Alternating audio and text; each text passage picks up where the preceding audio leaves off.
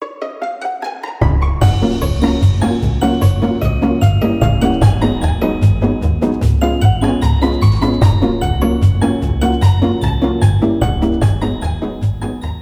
jeg heter Thea, Hei, jeg heter Oddrun. og vi jobber på Karmøy folkebibliotek. Velkommen til Bokfriminuttet. I dag skal vi snakke om ekle greier som diaré, promp, snørr, ekle insekter og mye mer. Boka heter Ekkelt og er skrevet av Alexander Sandtorv og illustrert av Linn Isabel Eielsen. Og du har lest denne boka, Oddrun. Ja, og det var kvalmende lesning til tider. Dette er jo ei faktabok, og vi får vite mange rare ting om, om oss sjøl og været rundt oss. Har du et eksempel?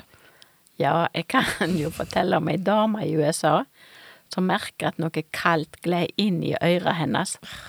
Hun prøvde å få det ut med en pinsett, men fikk bare ut et par bein.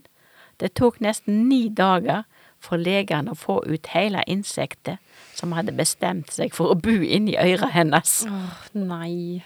Stakkars dame. Det høres skikkelig ekkelt ut. Og ja, og eller hva med henne som gikk rett inn i et spindelvev, og en diger edderkopp kryper over ansiktet hennes. Åh, fysj, så ekkelt. Ja, jeg hadde hylt høyt, i hvert fall.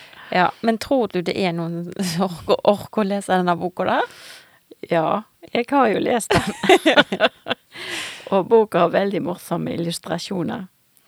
Det er òg ei leseløvebok, så den er veldig lett å lese.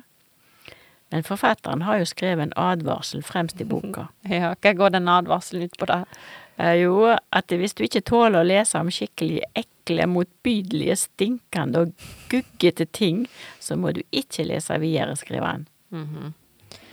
Og hvis du som hører på er så modig at du ønsker å lese denne faktaboka ekkelt, så kan du låne den på Karmøy folkebibliotek.